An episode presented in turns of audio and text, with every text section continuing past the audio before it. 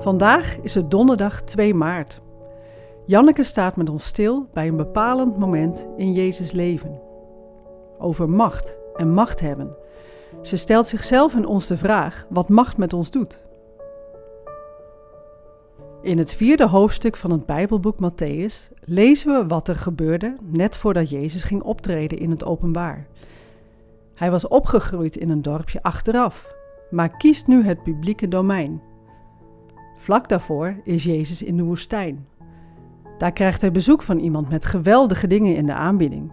Alle koninkrijken van de wereld, met al hun pracht. Het is van jou, wordt Jezus voorgehouden. Moet je je indenken. Je komt vanuit een positie als zoon van God naar de aarde, als mens. Wat heb je allemaal wel niet achtergelaten voor je missie op deze aarde? En dan krijg je dit aanbod. Alle koninkrijken van jou. Dat is een geweldig vooruitzicht. Een betere positie kan niet. Wat een mooie dingen kun je doen als jij dat alles in je macht hebt. Maar de devil is in de details. Je krijgt het als je een knieval doet voor de duivel en deze aanbidt. Blijkbaar moeten we voorzichtig zijn met macht. Het kwaad blaast zomaar een partijtje mee.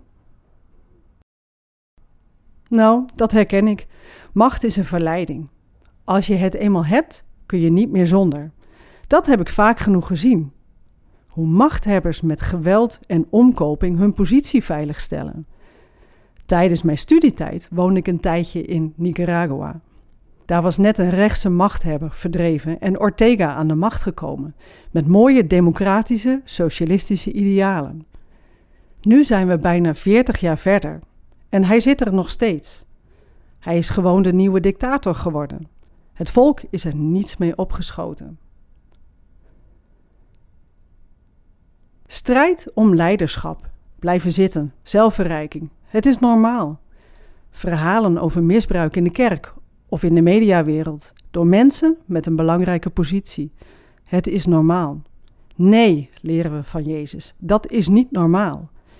Het kan en het moet anders.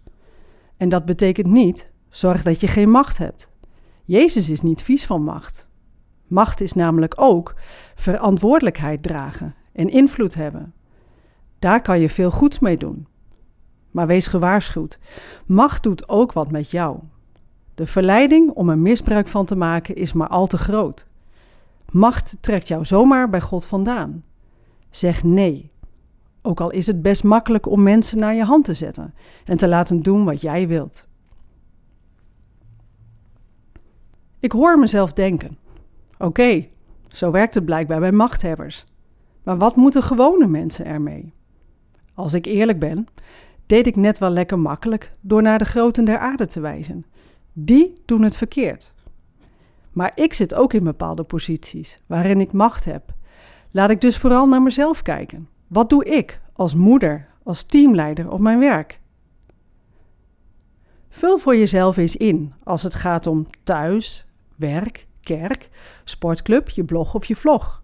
Ga eens na. Waar heb jij macht? Waar gebruik je het voor? En waar ligt jouw valkuil?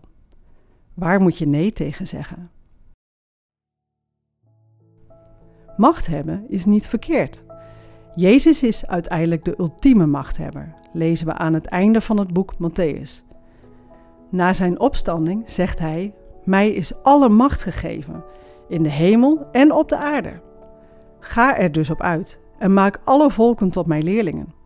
En houd dit voor ogen: ik ben met jullie alle dagen tot aan de voltooiing van de wereld. En wat ben ik blij dat ik het niet op eigen kracht hoef te doen. Jezus is erbij, ook als mij macht gegeven wordt. Het kwaad gaat het niet winnen.